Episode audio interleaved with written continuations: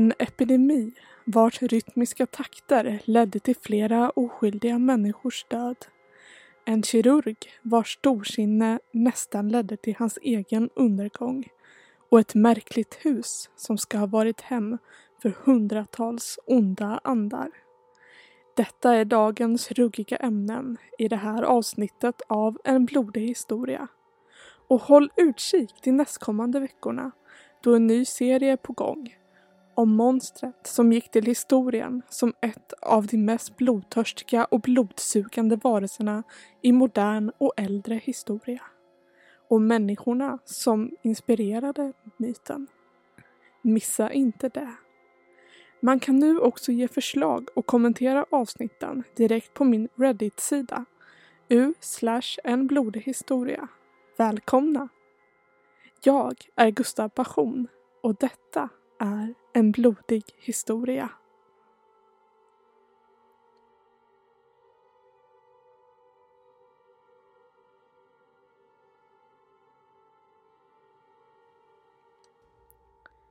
En morgon i juli 1518 i den växande staden Strasbourg som idag tillhör Frankrike klev en kvinna ut från sitt hus och gick ryckande och hoppande nerför hennes gata mot stadens torg.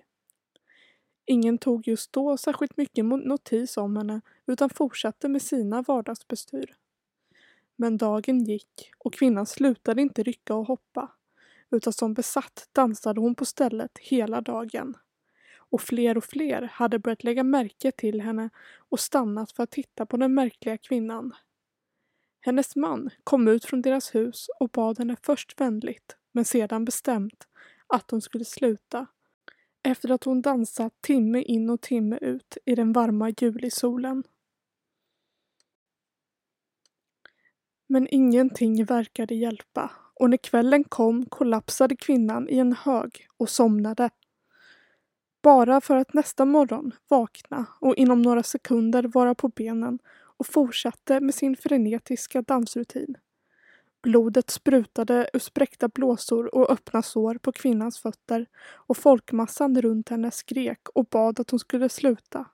Samtidigt som de fascinerat diskuterade anledningen till kvinnans märkliga beteende. Hade hon fått en knäpp och blivit galen? Vill hon straffa sin man? Eller var hon sjuk i feber och hallucinationerna fick henne att dansa?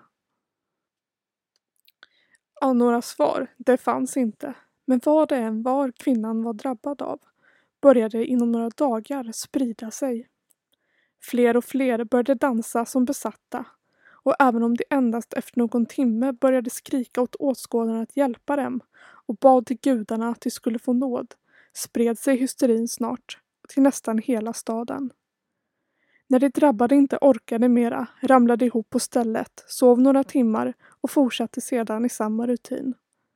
Stadens styrande visste inte hur de skulle kunna hantera denna epidemi av dansande människor på gatorna. När de rådfrågade läkarna gav de endast rådet att låta det vara, att folket skulle sluta med sina ryckningar och hoppsasteg bara de fick möjligheten att svettas ut det onda inom dem. Så då anlitade de styrande i staden musiker som spelade dygnet runt, var det än fanns människor som dansade för att snabbare få död på vadsinnet. Men detta hjälpte ingen och snart kunde man räkna över 400 människor som dansade samtidigt som de grät av smärta och utmattning. Och snart skördade epidemin sina första offer. Många äldre och även några yngre började dö av utmattning och hjärtstillestånd. De kollapsade där de stod och lyckades aldrig ta sig upp igen. Dansen den pågick i över en månad innan den till slut började ebba ut. Forskare idag menar att detta ovanliga mystiska fenomen kan ha varit en masshysterisk reaktion på åren innan 1518 då människorna i Strasbourg inte bara hade drabbats av missväxt vilket lett till massdöd och fattigdom utan även varit under stor press från kyrkans håll. På den tiden trodde Strasbourgborna att stadens otur berott på hur de själva hade betett sig under tidigare år och att missväxten därför var ett straff från Gud. vilket man skulle kunna likna vid berättelsen om Sodom och Gomorra i Bibeln. Vilket enligt texten var två städer som ska ha varit så syndiga att Gud lät dem dränkas i eld och svavel för att kunna bygga upp nya städer med mer rättfärdiga människor. Invånare i Strasbourg trodde även att dansepidemin var ett direkt straff från helgonet Sankt Vitus, vilket kan ha lett till att flera av dem som dansade helt enkelt började dansa på grund av att de trodde att detta var deras chans att visa ånger och vördnad. Vilket då ledde till den masshysteri och epidemi som idag finns väl dokumenterad på grund av tryckspressen uppfinning på 1300-talet.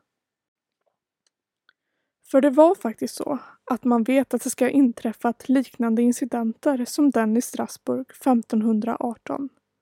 En till exempel 1374 i Renlandet, vilket ska omfattat flera områden i västra Tyskland ner mot gränsen till Nederländerna och finns beskriven i en klosterkrönika från ungefär samma tid som denna epidemi inträffade. Denna ska också bara ha börjat med att någon ställde sig och dansade och fler och fler följt deras exempel. Och även i detta fallet ska de som dansat häv hävdat att de inte kunde sluta och skrek och grät och bönade att få hjälp att sluta. Och epidemin, den ska ha spritt sig till tusentals människor och lett till åter tusentals människors död.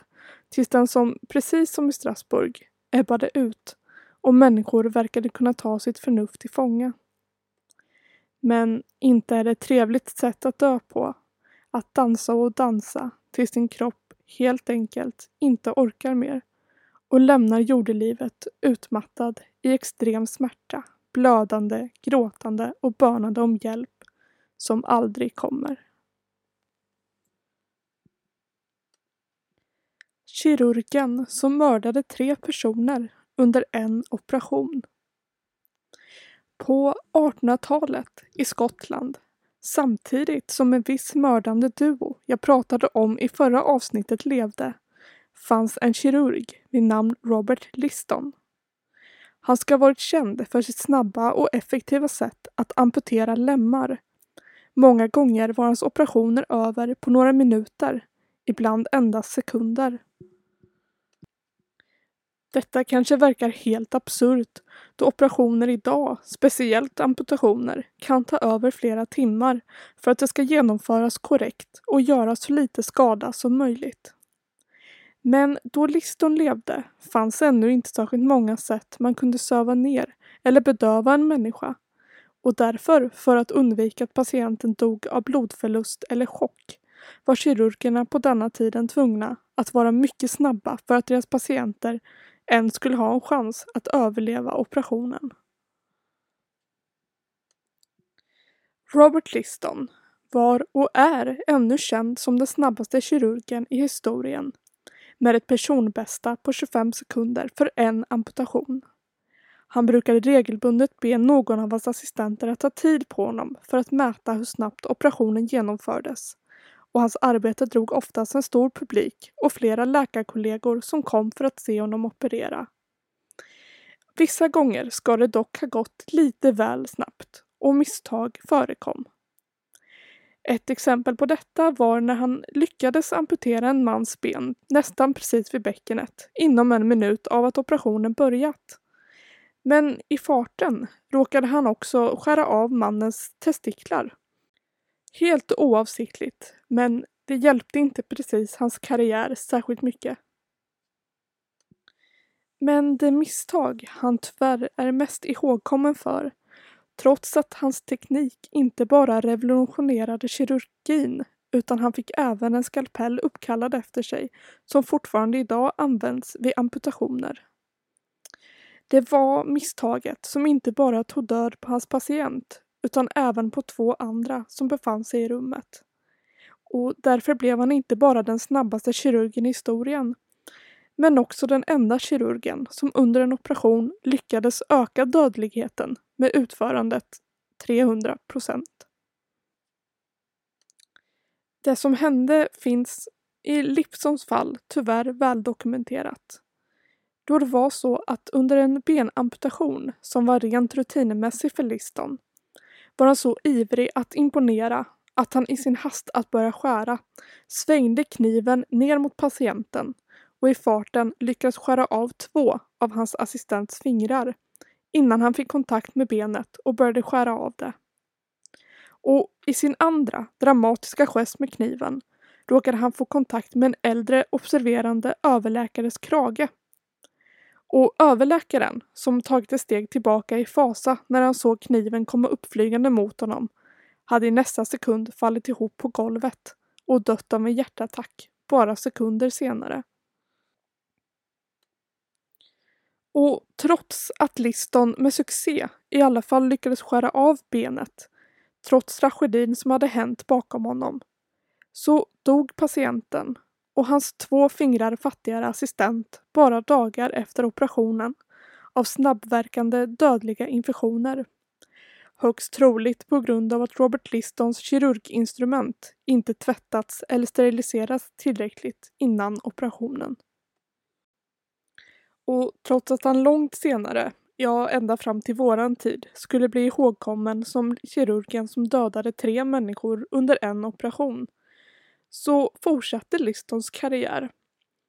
Och när anestimedel introducerades några år senare var han en av de första som började använda och predika dess nödvändighet för framtiden inom kirurgin. Huset Winchester det finns ett mycket märkligt hus som ligger i San Jose i Kalifornien i USA.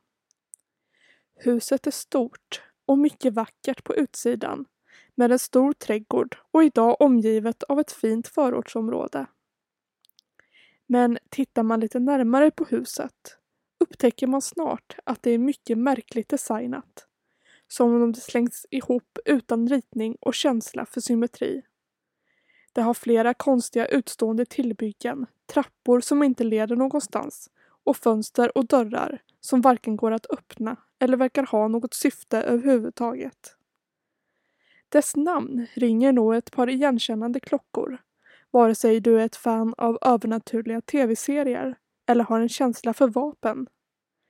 Detta huset kallas för Winchesterhuset och dess historia är både tragisk och skrämmande på samma gång. Under 1800-talet i Amerika var vapenindustrin en blomstrande tillgång till det dåvarande samhällets välfärd. Och lika populär då som idag var Winchester-geväret tillverkat av Winchester Repeating Arms Company ett då mycket modernt vapen som snabbt växte i efterfrågan. Även känd av många amerikaner som The Gun That Won the West. Och fyllde familjen Winchesters, som hade grundat företaget, fickor fulla med pengar. Men deras historia skulle få ett tragiskt slut, för i alla fall för många av de nu stenrika vapenhandlarna. En kvinna som skulle komma att ärva en stor del av den stora förmögenheten var Sarah Padry som föddes runt 1840-talet i USA. Hon föddes in i en rätt så välbärgad släkt och fick möjligheten att gå på universitetet, vilket inte alls många kvinnor fick under denna tid, och bland annat lära sig flera språk.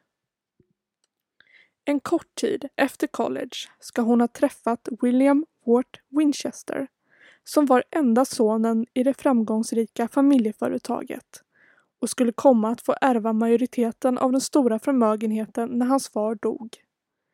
De gifte sig den 30 september 1862 och fick 1866 en liten flicka vid namn Annie.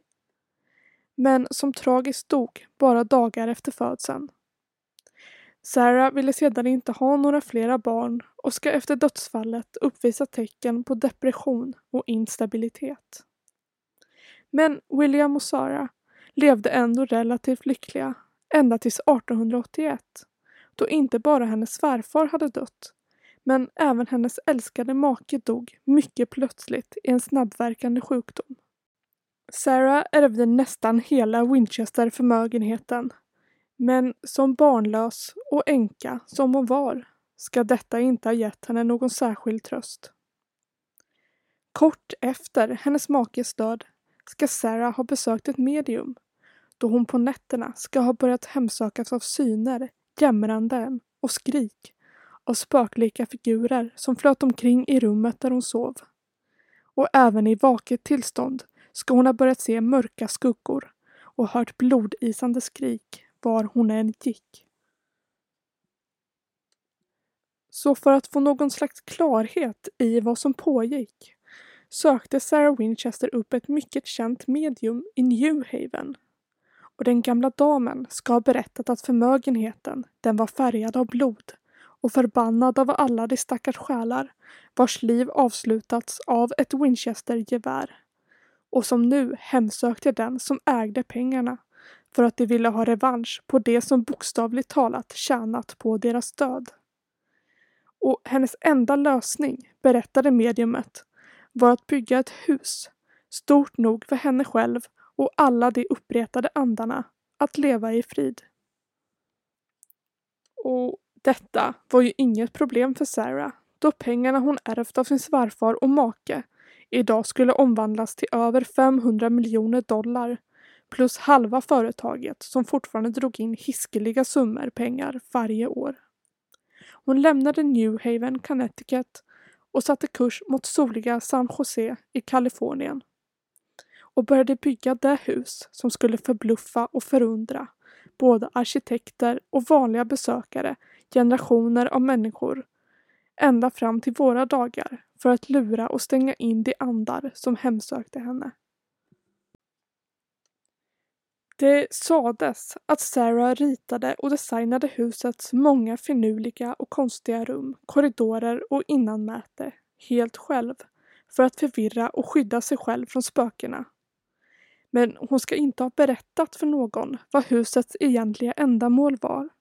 Inte minst för de byggarbetare hon anlitade för att bygga och konstruera det märkliga huset.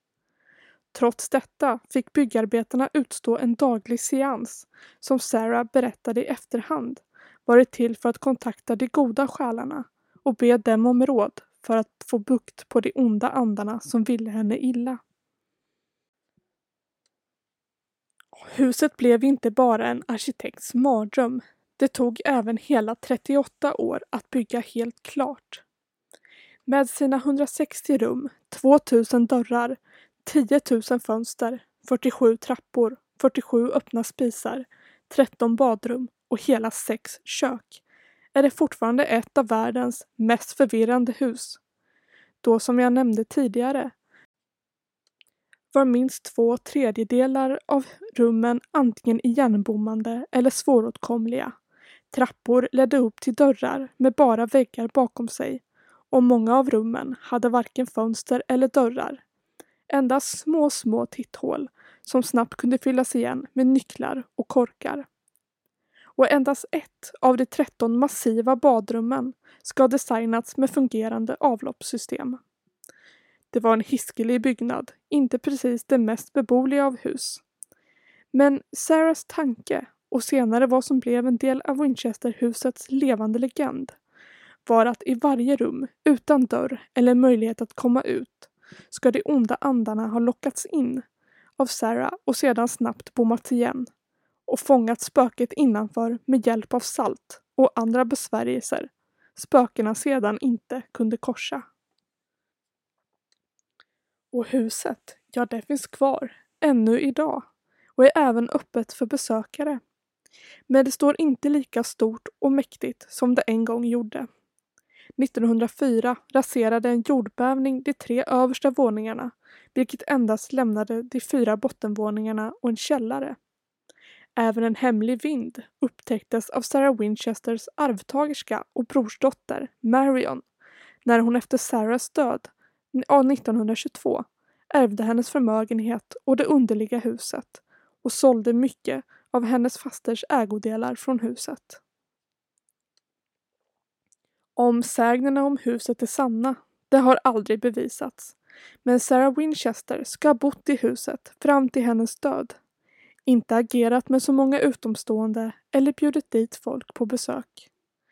Det har argumenterat att hennes dotters död och sedan hennes makes död kan ha påverkat hennes mentala hälsa och att hon led av hallucinationer och inbillade sagor och därför fått för sig hela förbannelsen och isolerat sig i huset där hon levde ensam bland hennes döde makes ägodelar under de sista åren i hennes liv. Vilket definitivt inte kan ha hjälpt hennes redan fragila hälsa. Men trots detta lever spökhistorierna om förbannelsen och spökena kvar. Den har till och med fått ett rejält uppsving under senare år med flera paranormala utredare och spelfilmer som tagit plats i huset för att ta reda på om historierna är sanna. Och då det idag även fungerar som ett slags museum och hotell finns det även gäster som rapporterat sig höra skrik och stönanden om nätterna, sett dörrhandtag röra sig utan att någon varit på andra sidan och även hört fotsteg komma mot dem bara för att sedan försvinna sekunden efteråt.